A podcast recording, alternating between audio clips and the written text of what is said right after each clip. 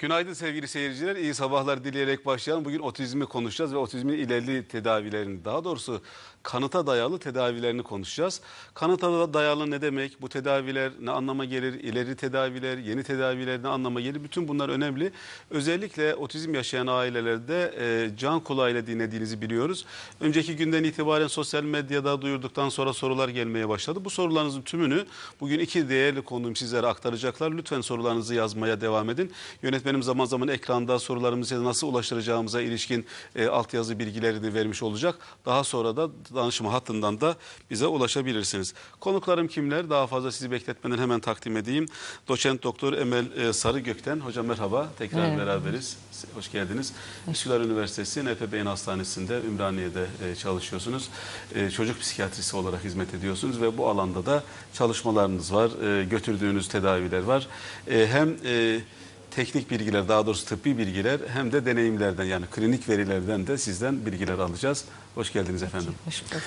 Sevgili seyirciler diğer konuğum doçent doktor Barış Metin hocam nöroloji uzmanı yine NP İstanbul e, Beyin Hastanesi'nden. Hocam merhaba. Evet, İkinci e, kez hoş bulduk. beraberiz. Bir Evet. kez daha e, birlikte konuşmuştuk. Evet. Bugün otizmi iki ayrı meslek açısından değerlendireceğiz. Bu da galiba seyircilerimiz için bir kazanım olacak değil mi hocam? Tabii. Nöroloji uzmanı ve psikiyatri uzmanı iki açıdan bize bugün bunları Aynı anlatacaksınız. zamanda Üsküdar Üniversitesi Psikoloji bölümünde de öğretim üyesiyim. öğretim görevlisiniz. Hocam genellikle bir tanımla başlıyoruz. Ee, Evet. Otizm nedir? Mesela bu konuda yanlış bilinen doğrular da olabilir, e, farklı yargılar da ol- olabilir. E, do- dolayısıyla tıbbi açıdan doğru bilgiyle başlayalım. Bir temellendirme diyelim buna. Otizm nedir diye sorayım. Hocam size ne alacağım? Evet. Otizm e, bir gelişimsel bozukluk. Yani gelişimsel bozukluk ne demek? Çocuğun e, gelişiminde bir takım e, aksaklıklar yaratıyor ve yaşam boyu süren bir bozukluk. Yani çocukluk, bebeklik döneminde başlıyor belirtileri, e, çocukluk döneminde devam ediyor, erişkinliğe uzanıyor. Yani e, bir kişinin hayatını, bir ailenin yaşamını, e, bireyin hayatı boyunca, bütün gelişim süreçleri boyunca çocukluk, ergenlik, e, erişkinlik, yaşlılık e, etkileyen e, bir rahatsızlık. E, temel belirtisi otizmin iki tane temel belirtisi var. Bir tanesi sosyal becerilerde e, ve iletişim becerilerinde e, problemler. E, ikinci e, belirtisi de e, işte tekrarlayan e, davranışlar, stereotipik hareketler diyoruz. Bir, yani e, çocuğun e, özel ilgileri, sınırlı ilgileri, tekrarlayan davranışları. İşte bunlar mesela kendini e, dönme, sallanma, ondan sonra... Kendine el- vurma falan gibi de oluyor bazen galiba değil mi hocam? O, da var mı? o, ba- o- Başka o, mı? bazen olabiliyor. Yani o böyle çok tedavi etmeye çalıştığımız bir şey. Yani kendine zarar verme davranışı nadir de olsa e, görülüyor ve hemen tedavi etmemiz gereken bir şey. Orada tabii bir takım duygusal problemlerin de e, olması gerekiyor. Yani Konuşacağız bir, zaten bir çocuğun kendine vurması için. E, bizim en çok gördüğümüz işte bu tekrarlayan davranışlar, işte dönme, sallanma, el çırpma, ellerini kollarını işte belli e, hareketleri sürekli tekrarlayarak e, hareket ettirme. Ondan sonra bazı şeylere aşırı ilgi. Mesela çocukların genelde çok özel e, odaklanmış ilgileri falan oluyor. Mesela işte bazı çocuklar dönen nesnelere falan aşırı ilgili oluyor. İşte Sadece onu alması değil mi? Evet mesela Yoğunlaşmış. oturuyor çamaşır makinesinin önünde mesela saatlerce dönen bir işte tamburuna çamaşır makinesinin e, Bakabilir. bakıyor. E, işte bir tane çok sevdiği bir oyuncağı oluyor ondan hiç vazgeçemiyor ama şey düzeyde yani takıntı düzeyde. E, bu tip şeyler olabiliyor. E, ama tabii otizmin belirtileri yaşa göre çok değişiyor. Yani yaşamın ilk bir yılında çok farklı oluyor. İşte e, bir yaşından iki yaşına kadar çok farklı oluyor. E, okul çağına geldiği zaman çocuk işte 4-5 yaşını geçtiği zaman çok farklı oluyor. Bunları da ayrıntılı al- Tabii almak onları da isterim hocam. ayrıntılı Çok teşekkür ederim girişte. gerekiyor. Hocam nöro gelişimsel e, anlatımda bulunduğu gibi anlıyorum hoca, hocamı değil mi? Aslında böyle böyle diyebiliriz. E, çocuktaki nöro gelişimsel e, bozukluklar üzerinden gidiliyor. E, psikiyatri bilimi yani sizin doçenti olduğunuz işte pratik olarak da hekimliğini yaptığınız alanda aynı tariflemede mi bulunursunuz ya da ne ilave edilebilir buna hocam? Evet yani otizm dediğimiz zaman nöro gelişimsel bir bozukluk diyoruz. Çünkü belirtileri çocuk doğduğu andan itibaren e, yavaş yavaş kendini hissettirmeye başlıyor.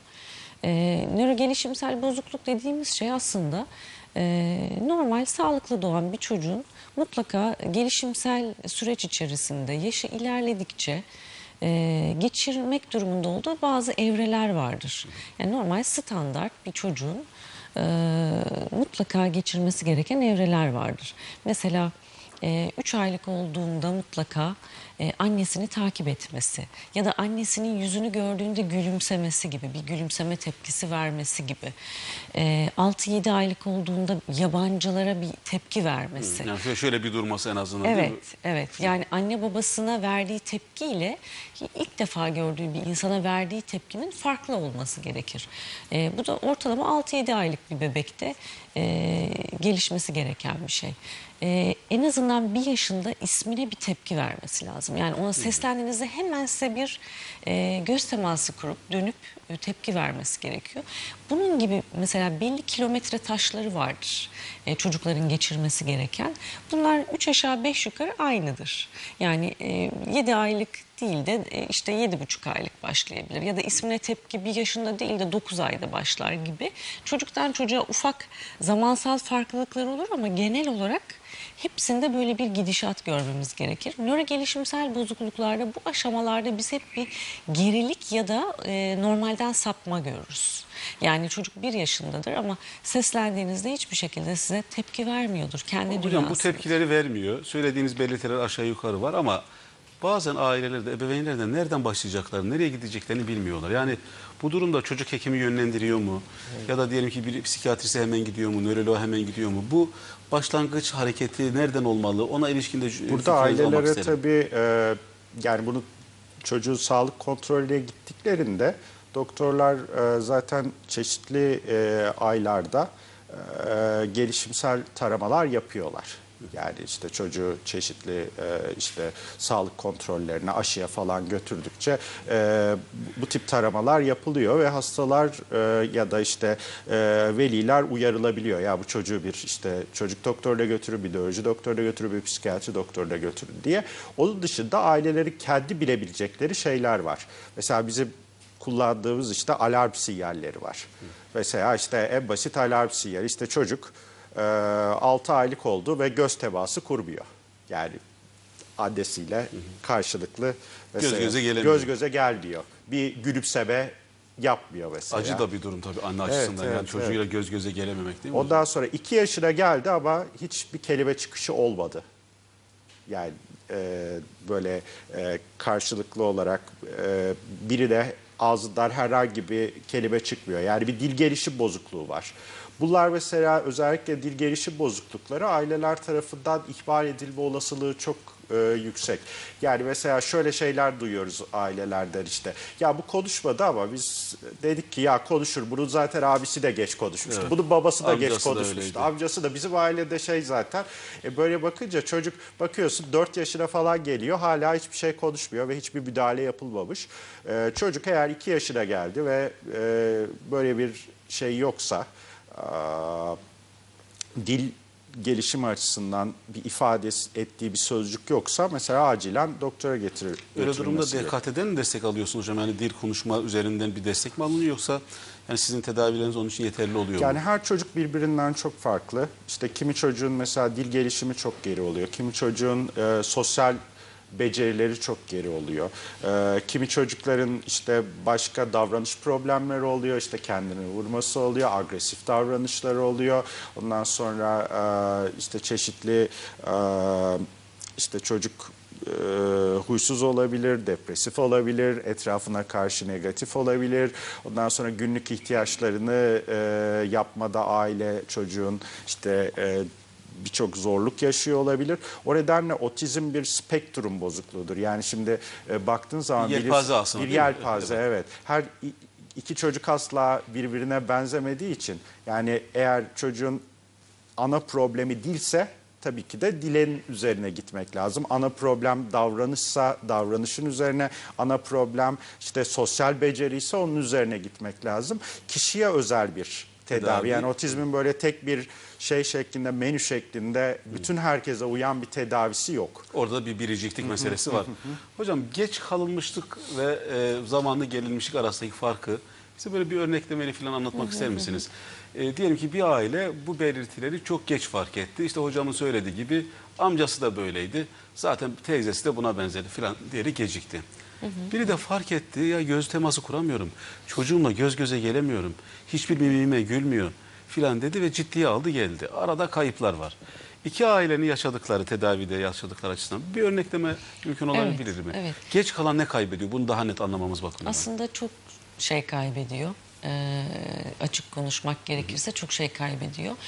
Ee, burada aslında şeyi özellikle vurgulamak istiyorum. Yani bir bebek doğduğu andan itibaren şimdi biz çok erken aylarda e, bir çocuk psikiyatristinin takibinde olmuyor bir bebek ya da bir nöroloğun takibinde olmuyor. Eğer e, doğumda bir travma yaşamadıysa, e, doğum sürecinde bir problem olmadıysa e, böyle özellikle bir bölüm e, çocuğu erken aylardan itibaren görmüyor.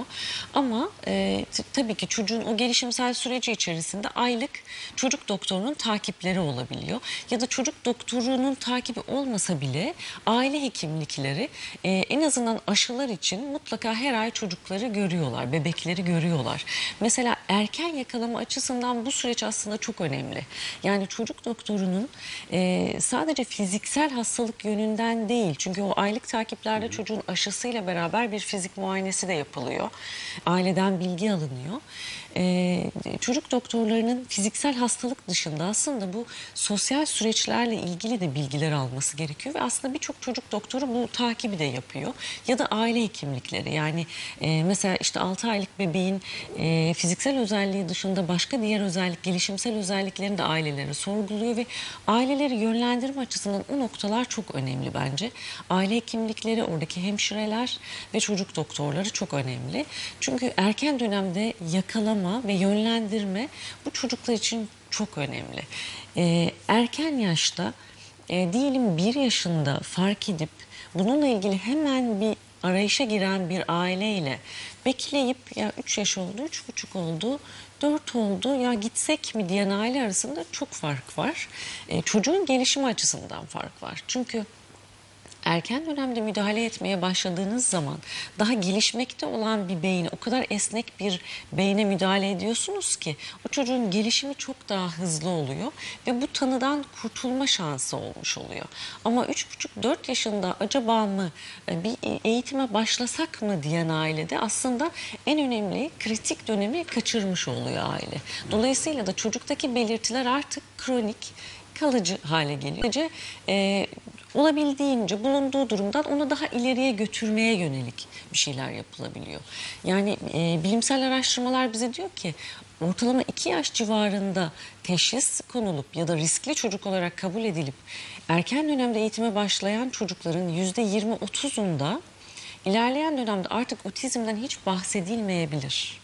Yüzde 20-30 yani neredeyse 5 çocuktan, biri 4 çocuktan birinden bahsediyoruz ve bu çok çok önemli. Hocam e, Özlem Kuru e, Kütahya'dan bir soru var. E, hamilelik döneminin otizmle bir bağlantısı olabilir mi? Ya da o dönemde dikkat edilmesi gereken bir durum olabilir mi? Dikkat edilmesi gereken bir husus var mı?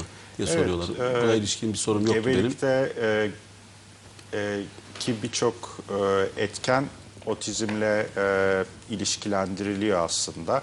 Mesela işte gebelik döneminde e, geçirilen e, şeyler, bebeğin geçirdiği enfeksiyonlar, ondan sonra e, bu doğum öncesinde ya da e, işte e, doğum sonrasında yaşanan çeşitli sıkıntılar, özellikle işte prematüre doğan çocuklar e, otizm spektrum bozukluğu açısından e, e, daha riskliler. Birebir kanıtlanmış yani mesela e, zihinsel engellilik yarattığı bilinen birçok toksik etken var. İşte çeşitli viral enfeksiyonlar, ondan sonra işte alkol gibi e, çeşitli maddeler. Ondan sonra işte sigaranın bazı e, gebelikte içire- e, içilen sigaranın e, erişkin dönemde otizm yaptığı değil ama işte çeşitli dikkat bozukluklarına e, neden olduğuna yönelik e, çeşitli bulgular var. E, Ondan sonra gebelikte işte ilaç kullanma mutlaka işte bir doktorun şeyiyle gözetimi altında yapılması gerekli. Özellikle işte prematüre doğan, düşük doğum tartısıyla doğan çocuklar bizim otizm açısından e, daha yüksek riskli e, bulunan grubumuzu oluşturuyor. Bu çocukların hani normal çocukların da gelişimsel taramalarını yapmak lazım ama bu düşük doğum tartısı artı prematüre doğan çocukları çok daha sıkı takip etmek gerekli. Çünkü bunlar da bu olasılık yani otizm görülme olasılığı e, diğer işte normal zamanında ve normal doğum tartısıyla e, doğan çocuklara göre çok daha yüksek. O yüzden bunların e, kontrollerini işte bunların gelişimsel e, süreçlerini çok daha iyi izlemek gerekiyor. Hocam e, konuşma e, gecikmiş konuşmayla ilgili hocam işaret etmişti. Belki ona da hani bir iki cümleyle temas etmek isterseniz e, dinlemek isterim ama çevreye ilgisizlik ve tepki vermeme konusuna ilişkin biraz sorular var. O kısmı biraz daha netleştirebilir miyiz? Yani çevreye ilgisizlik, aileye ilgisizlik, tepki vermeme mesela hani tepki vermemeyi nasıl nasıl anlayacağız? Ee, onun bir ölçüsü işte var mı? Mimik göstermemesi mi? Bir şeye kızmaması mı? Ağlamaması mı? Hani o kısmı biraz daha açabilir miyiz Evet. o parantez hocam? Ee, aslında poliklinikte biz e, hastalarımızı e, görürken özellikle böyle dikkatli ailelerin e, ortalama bir yaş civarında çocuktaki değişikliği ya da normalden sapmayı çok iyi yakaladığını görüyorum. E, örneğin bir yaşı henüz doldurmuş, e, daha küçücük ama anne baba bir sıkıntı var galiba diye hemen gelebiliyor. Mesela e, tabii bir yaşında biz e, ortalama böyle bir iki kelime en azından söylemesini bekleriz çocuğun ama e, daha bir yaşındayken hemen konuşma ile ilgili çok büyük kaygıya kapılmıyor aileler haklı olarak. E, işte konuşması henüz yok ama e, mesela göz teması ismine tepki veren bir çocukta zaten kaygılanacak bir şey yok ama aile gelip şöyle diyebiliyor. E, çok fazla kendi dünyasında. Yani sabah uyanıyor mesela gelip hani benim yanıma beni uyandırmıyor. Onun yerine bir geliyorum odasında sallanırken buluyorum onu gibi. Ee, ya da mesela önceden dışarı çıkardığımızda böyle çevreye daha çok ilgi gösteriyordu. Ee, ona el salladığımızda gülümsüyordu ama şimdi dışarı çıkarsak da o hep kendi dünyasında hep belli çizgilere bakıyor. e, nesnelere bakıyor. Sanki onlara böyle hipnotize olmuşçasına e, kaptırıyor kendini. Bize tepkisi az ve e, o sosyal ilgideki azlığı anne babalar biraz şöyle tarif ediyorlar. E, sanki daha mutsuz yani içine kapandı. Önceden gülümsüyordu. E, şimdi son dönemlerde hiç gülmüyor. Hep Ya Böyle bir asık surat değil mi? Böyle bir omega Evet. 100 falan gibi böyle bir şey herhalde. Evet yani Öyle bir duygusal tepki çocuğun duygusal tepki vermesinde bir zayıflama aslında o ya da bir eksiklik ve anne babanın dikkatini çekiyor. Çok da önemli bir işaret aslında bakarsanız. Çünkü bir yaşındaki çocuk gerçekten de onu dışarı çıkarttığınızda e, diğer çocukları gördüğünde heyecanlanır. E, bir oyuncağı görünce heyecanlanır. E, o duygusal tepkiyi vermemesi aslında çok gerçekten dikkat çekici bir şey ve önemli. Ee, bir de burada şeyi vurgulamak istiyorum. Otizmin gidişatı içerisinde iki farklı gidişat var. Bir tanesi çocuk doğduğundan itibaren e, normal gelişmeme ile giden bir şey. Yani en başından itibaren ya bu çocuk diğerlerine göre farklı büyüyor e, diyor aileler. Ama ikinci bir grup var. Mesela belli bir yaşa kadar her şey normaldi diyen aileler var. Yani özellikle ben bir yaşa kadar her şey normaldi diyeni çok duyuyorum. Ama bazen ya iki yaşına kadar biz hiçbir sıkıntı görmedik. Tamamen akranları gibiydi. Ama sonra bir şey oldu. Bu çocuk bize ilgisini kaybetti, insana ilgisini kaybetti. Daha önce söylediği kelimeleri bile artık söylemiyor. Çok Kelimeler vardı şu an yok. Regresif tip diyoruz yani bir gerilemeyle giden tip. Ee, burada işte ailelerin verdiği bilgi birbirinden farklı oluyor. Kimisi diyor ki önceden neşeliydi bize bay bay yapıyordu. İşte anneannesinden ayrılırken dönüp bay bay yapabiliyordu. Ama şimdi sanki hiç anneannesinin de farkında değil. Bay bay yapmayı da unuttu diyor mesela. Hocam burada duygusal problemler mi beklememiz gerekir? Yani hocamın bu anlattığının altında ne ne, ne olur? Ne ne düşündürdü size? Ee, yani tabii otizm aslında bir duygusal hastalık değil yani onu anlamak gerekli. Yani bu çocuk mesela başkasına bay bay yapmamasının ya da bir sosyal gülümsemesinin olmamasının, arkadaşlarıyla oynamamasının sebebi işte çocuğun küsmesi değil. Yani bu, burada aileler bazen işte yanlış anlıyor acaba işte beni sevmiyor bu arkadaşlarını mı sevmiyor? Hayır yani bu tamamen beyindeki işte sosyal beyin dediğimiz etrafımıza karşı e, ilgiyi sağlayan işte arkadaşlarımızla ailemizle çeşitli duyguları paylaşmamızı sağlayan çeşitli beyin bölgelerinin e, gelişmesinde bir e, gecikme söz konusu. Çocuk şeyi fark edemiyor yani etrafındaki sosyal uyaralları fark etmiyor. Yani biz mesela şu anda sosyal bir dünyada yaşıyoruz. Mesela biz ne yapıyoruz? Sürekli e, ben sizin duygularınızı yüzünüzden okuyorum. Siz benim duygularımı yüzümden okuyorsunuz. Ben de mesela bir memnuniyetsizlik gördüğünüz zaman ne düşüyor tabii düşünüyorsunuz? mi? Ya ne oldu acaba? Ben bir şey mi Ne dedim?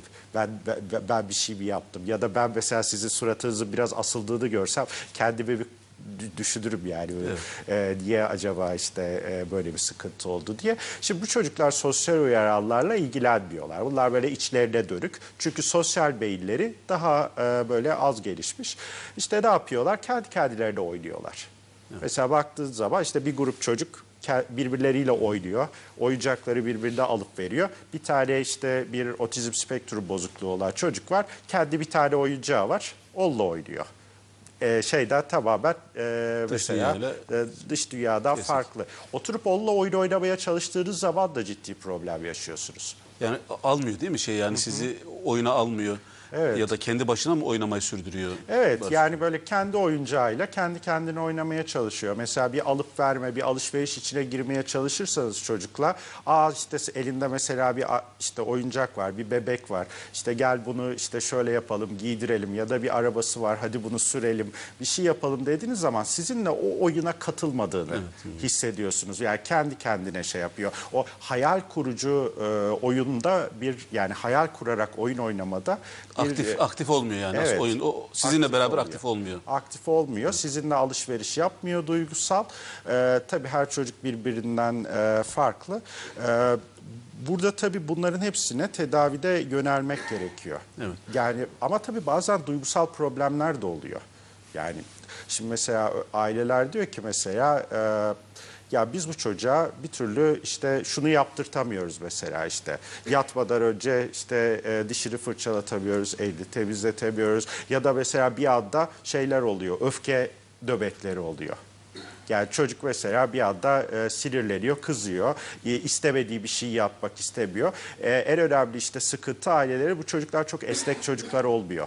Böyle rutinlerine çok bağımlı, böyle çok katı e, şey e, bir iç dünyaları var. Onları böyle rutinlerini bozduğunuz anda ciddi tepki veriyorlar. Hocam iletişim becerileri ya da sosyal beceriler başlığını konuşmak istiyorum. Ee, bu böyle fark edilen bir şey midir? İşte nasıl yapılabilir? İletişim becerilerinde bir eksik ya da sosyal becerilerinde bir gelişmeme durumu. Bu aile tarafından fark edilir mi? Nasıl müdahale edilir? Size getirildiğinde bu- buralarla ilişkide çalış, ilişkili de çalışıyor musunuz? Nedir e, buradaki durum tam? Buyurun hocam.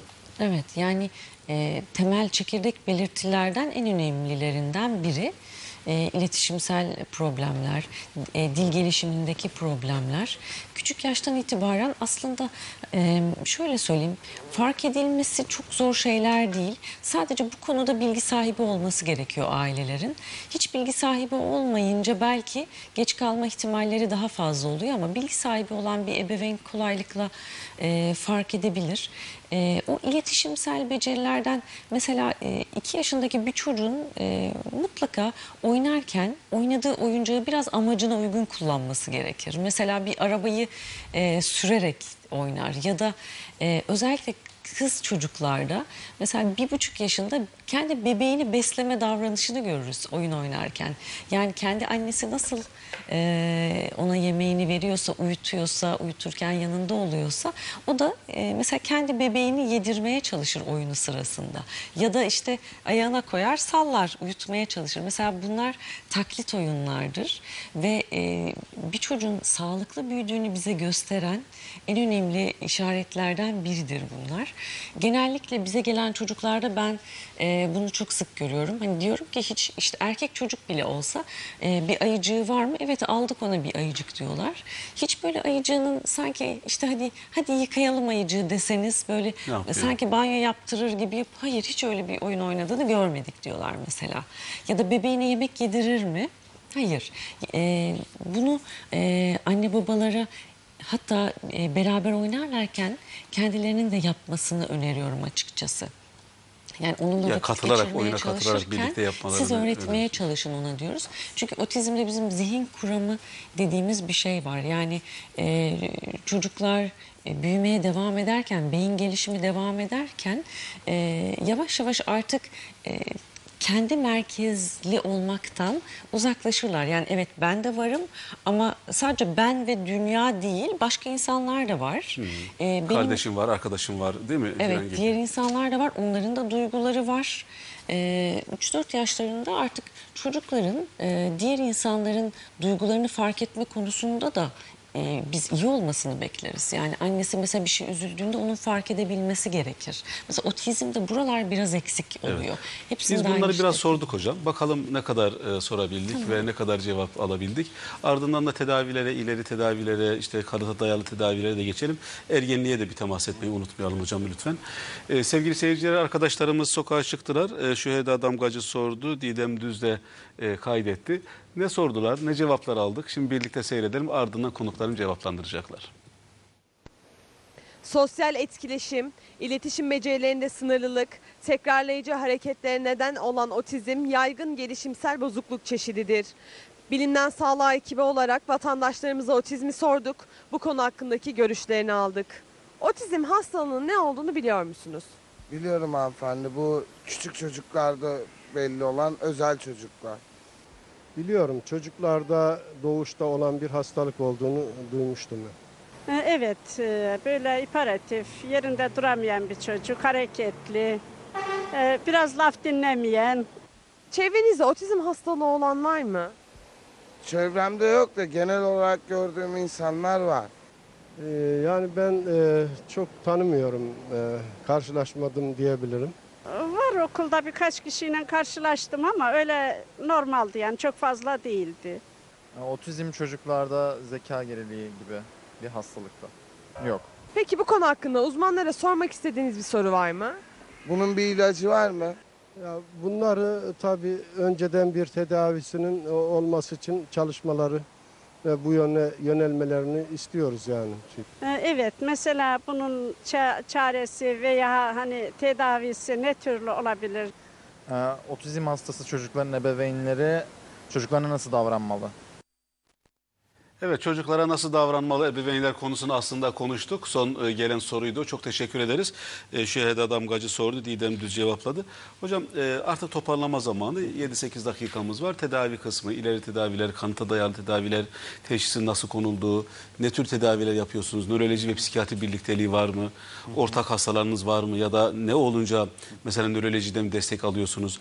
Ne olunca psikiyatri biriminden destek alıyor? Biraz onları konuşalım ve tedavi konuşmuş olalım. Buyurun hocam. Evet bir e, dediğimiz gibi bu bir yelpaze ve iki çocuk hiçbir zaman birbirine benzemiyor.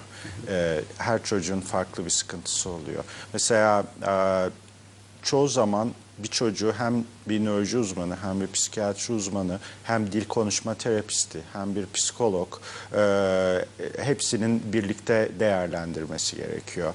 E, ailenin, öğretmenin de bu sürece e, aktif olarak Çünkü katılması ergenlikte de oluyor değil mi hocam? o Tabii, sırada tabii. eğitim konusu her var. çocuğun ihtiyaçları birbirinden e, farklı. Mesela işte e, bu çocukların çok önemli bir kısmında e, epilepsi oluyor. Yani otizmde epilepsi çok yaygın bir durum. Bu durumda özellikle işte çocuğun epilepsisini tedavi etmek e, otizmde ciddi bir ilerleme sağlıyor. Yani belki otizmi böyle yüzde yüz tedavi etmiyor ama e, yani çok ciddi otizm e, bulgularında, sosyal işlevsellikte, dil becerilerinde ciddi bir ilerleme sağlıyor. Bu nedenle işte e, mutlaka bir e, nöroloji uzmanı tarafından bir işte epilepsisi var mı e, diye bakmak gerekiyor. Biz çocuklara genelde işte e, elektroensefalografi dediğimiz beyin elektrosunu kesin e, şey yapıyoruz. E, EEG çektiriyoruz. olarak bilinen şey mi? Evet evet EEG ol- o- olarak bilinen şey. Çünkü bu epilepsiler bazen açık olmuyor, gizli oluyor. Yani çocuk uykusunda falan bile geçirebiliyor. Böyle aile çok fark etmiyor.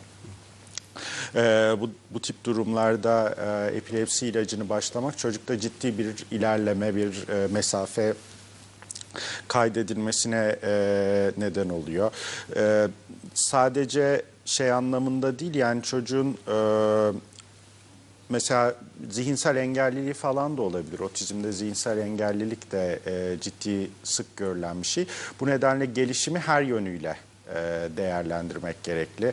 İşte davranışsal e, problemleri olabilir. E, bunları böyle e, çok boyutlu olarak değerlendirip uygun işte dil konuşma terapisinin de dahil olduğu işte e, ergoterapi dediğimiz işte çocuğun duysal becerilerini e, arttırmaya yönelik tedavilerin de dahil olduğu işte e, bir e, tedavi planı oluşturmak gerekiyor.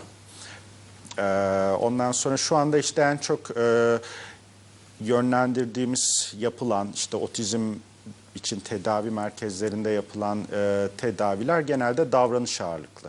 Yani çocuğun Galiba işte duyu, işte bütünleme Evet, var, evet. ergoterapi var, DKT galiba işin içerisine giriyor. Hocam sizde tedaviler nasıl gidiyor? Psikiyatride neler yapıyorsunuz? E, teşhis e, nasıl konuluyor ve tedavi sürecini 5 dakikamız var. Evet. Ergenliğe de girmemiz lazım. Şimdi evet tedavi konusunda tabii böyle çok yönlü bir yaklaşım çok önemli. Evet. Ee, şimdi biz otizm tanısını koyarken klinik belirtilerle koyuyoruz. Ee, çocuğun e, belli bazı klinik belirtileri taşıması bizim için kilit noktadır. Ama eşlik eden başka problemler var mı diye mutlaka daha geniş çaplı bir e, Olabiliyor çünkü, değil mi hocam? yapıyoruz. Evet Olabiliyor. olabiliyor. Yüzde, ortalama yüzde otuzunda epilepsi olabiliyor. Epilepsi riski taşıyabiliyor çocuğun. Ya da başka birçok e, hastalık, nörolojik, metabolik ya da psikiyatrik eşlik edebiliyor. Şimdi tedavide tabii otizmin o çekirdek belirtileri, sosyal etkileşimdeki ve dildeki gerilik ve tekrarlayıcı davranışlar. Bu e, iki ana gruba e, etki eden bir ilaç henüz yok. E, ama biz ilaç tedavisi veriyoruz e, bazı olgularımızda. Özellikle eşlik eden problemleri olan e, olgularda veriyoruz. Yani otizmin çekirdek belirtilerine yönelik değil, eşlik eden problemlere yönelik tedaviler veriyoruz. Ve mutlaka erken dönemde özel eğitim, e, gerekli olan çocuklarda konuşma terapisi, duyu bütünleme terapisi gibi çocuğu destekleyecek, zayıf olduğu alanlarda destekleyecek çok yönlü bir tedavi girişiminde Ama bulunuyoruz. tedavisi var, yeni imkanlar var değil mi? Bilim bunun için yeni şeyler söylüyor. Çarşambalar toplantılar yapıyorsunuz, kongreler yapıyorsunuz, dergiler çıkartılıyor. Hocam iki dakikamız var. Ergenlikteki sosyal beceri ya da oraya taşınmaya da böyle bir işarette bulunarak ilave edeceğiniz Şimdi, bir şey varsa e, alayım. Mesela e, çocukların ilerideki performansını belirleyen önemli faktörlerden bir tanesi de işte mesela zeka faktörü.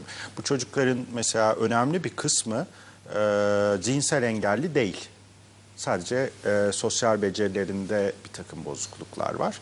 Sonra işte bu çocuklar büyüyorlar. Mesela işte okula gidiyorlar, ergen hatta üniversiteyi bitiren falan şeylerimiz var. E, hastalarımız, takip ettiğimiz insanlar var. Tabii yaşam boyu süren bir bozukluk olduğu için ve en önemli e, belirtisi de sosyal beceri e, de sıkıntı olduğu için yaşam boyu çeşitli sıkıntılar yaşayabiliyor. Mesela işte bir ergen çocuk bize gelip işte şey diyebiliyor ya diyor benim diyor hiç arkadaşım yok diyor. İşte benim diyor işte e, kız arkadaşım yok diyor, erkek arkadaşım yok diyor. Ama işte olsun diye uğraşıyorum diyor. Ama diyor olmuyor diyor. İşte arkadaşlarım beni dışlıyor diyor. Mesela bir yere gidiyorlar beni çağırmıyorlar. Yalnız diyor. bırakıyorlar. Yalnız bırakıyorlar. Bir dakikamız var. Evet. Tabii bu çok böyle etkileşimsel bir şey. Yani çocuk zaten etrafına karşı çok açık olmadığı için ya da etrafındaki sosyal e, işaretleri tanıyamadığı için çok fazla gruba da katılamıyor. Ya da işte erişkin oluyor diyor ki işte ben diyor işte niye e, yalnızım diyor. Hayatımda niye kimse yok Niye yalnızım galiba bu durumda şu, en son çok Evet, sorulan evet. soru. Hocam sizinle açtık. Son bir Evet, cümleyle bitiyor galiba. Size kapatalım. Ne dersiniz? Söylemediğimiz, ilave etmediğimiz, eksik kalan bir şey var mı? Ee, aslında otizmle ilgili konuşacak çok fazla şey var. Ee, ergenlik döneminde bu çocuklarda depresyon ve kaygı bozukluklarını görebiliyoruz üstüne eklenen. Yani birçok çocukluk dönemindeki problem azalmış oluyor ama üzerine e, bazı depresyon, e, takıntı hastalıkları, kaygı bozuklukları eklenebiliyor.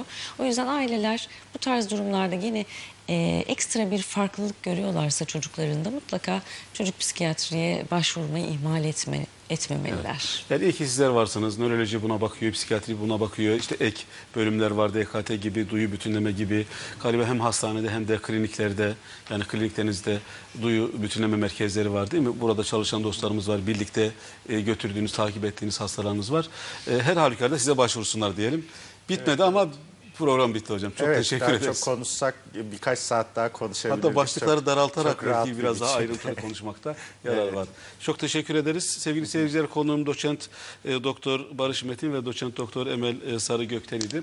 Lütfen sorularınızı danışma hattından da kendilerine ulaştırmaya çalışın. Bize yazmayı sürdürün. Haftaya aynı gün ve saatte yine birlikte olacağız. Bugünlük bu kadar diyoruz. Zor bir konuyu kolaylıkla anlatmaya çalıştık. Çok da güzel anlattılar. Çok teşekkür ediyorum onlara. Size iyi pazarlar efendim. Hoşçakalın. Come.